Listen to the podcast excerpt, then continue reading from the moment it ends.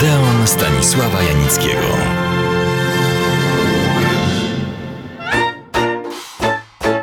Pamiętam dobrze tego aktora. Był bożyszczem milionów. I ja spadałem z krzesła kinowego, kiedy grał koncertowo, wcielając się w bohaterów dla nas, Polaków, zaskakujących i na dobrą sprawę nierzeczywistych, choć, jak się później okazało, bardzo mocno osadzonych właśnie w rzeczywistości. Był komikiem tak różnym od dotychczasowych mistrzów śmiechu. To nie był nieśmiertelny włóczęga Charlie Chaplina. To nie był prawie intelektualny Buster Keaton, żywiołowy i swojski Harold Lloyd, jeden ze zwariowanych braci Marx czy wyrafinowany Jacques Tati, nie mówiąc o naszym dotku Adolfie Dymszy czy bardziej wysublimowanym Czechu Vlasta Burjanie. Więc kogo mam na myśli i kim ów komik był? Peter Sellers. Nie pamiętacie Państwo znakomitej komedii utrzymanej w klasycznym angielskim stylu Jak zabić starszą panią? A mysz, która ryknęła, a doktor Strangelove, czyli Jak przestałem się bać i pokochałem wojnę. Nie pamiętacie Państwo?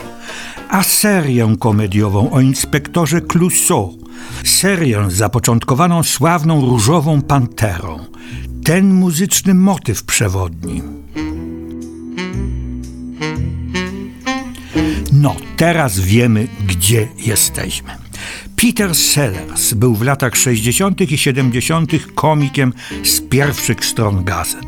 No, nie tylko, bo radio i telewizja już też istniały. Najpierw, skąd się wziął?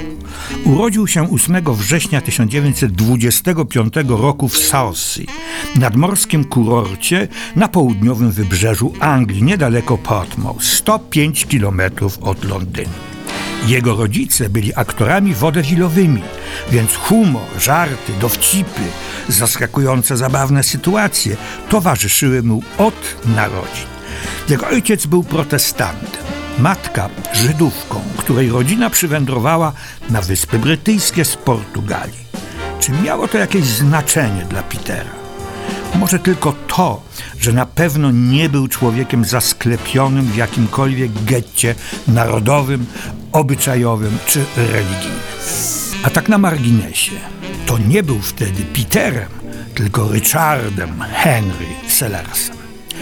Całe swoje dzieciństwo i młodość spędził wędrując ze swoimi rodzicami i teatralną wodewilową trupą po Anglii, Walii i Szkocji. Kiedy było to potrzebne, pojawiał się na scenie. Pojawiał się coraz częściej, tym bardziej, że już jako trzynastolatek wygrał konkurs aktorski. Mając 17 lat, wcielony został do Royal Air Force, czyli Królewskich Sił Powietrznych United Kingdom, czyli Zjednoczonego Królestwa.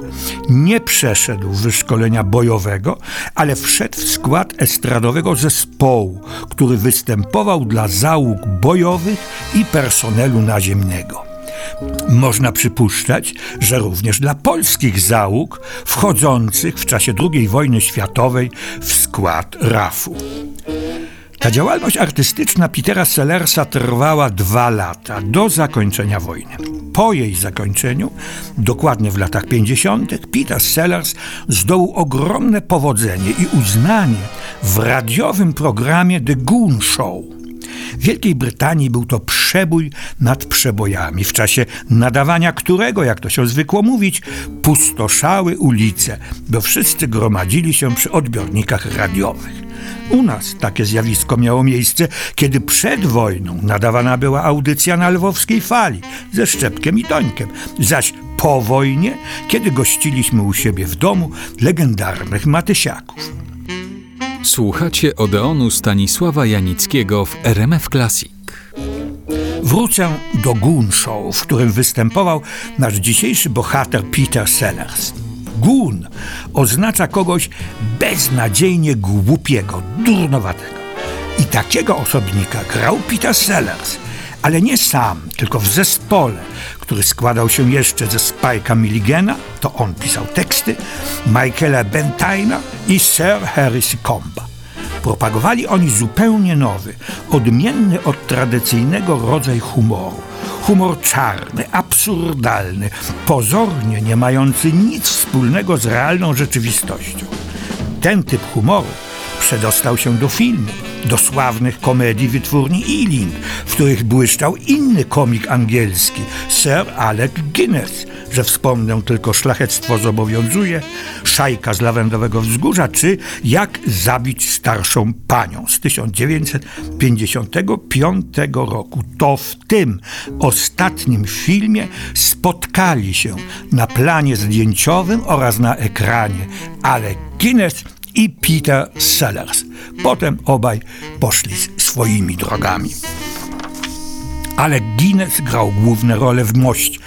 Ale Guinness Alec Guinness grał główne role w Moście na rzece Kwaj, Oscar i Złoty Glob, wspaniałe role w filmach Lawrence Arabii czy Droga do Indii, ale oglądaliśmy go również w Gwiezdnych Wojnach i Małej Dory. Nasz dzisiejszy bohater, Peter Sellers, w tym samym czasie piął się po komediowej drabinie sukcesu. Pierwszą poważną nagrodę za film I'm All Right Jack otrzymał w 1959 roku. Była to bagatela, jedna z najwyżej cenionych i prestiżowych po dziś dzień nagród w świecie filmu. Nagroda BAFTA, Brytyjskiej Akademii Filmowej i Telewizyjnej. Ten film i ta nagroda otworzyły mu drogę do sławy. Film ten był zabawną, ale i ostrą satyrą na stosunki panujące w ówczesnych, a może i dzisiejszych, brytyjskich przedsiębiorstwach przemysłowych. Zarówno pracodawcy, jak i działacze związków zawodowych przedstawieni tu zostali w krzywym zwierciadle, jako skorumpowani, niekompetentni, dbający tylko o swój interes. A Peter Sellers grał postać shop stewarda, kogoś, kto stoi między tymi dwoma stronami i ma doprowadzić do ich porozumienia. Przypomnę, film ten jest śmieszną, ale dosyć gorzką komedią satyryczną. Jak pisano, był Peter Sellers w tej, ale i kolejnych rolach. Znakomity w pełnych kąśliwej ironii, groteskowych rolach cynicznych dżentelmenów. Dżentelmenów oczywiście w cudzysłowie.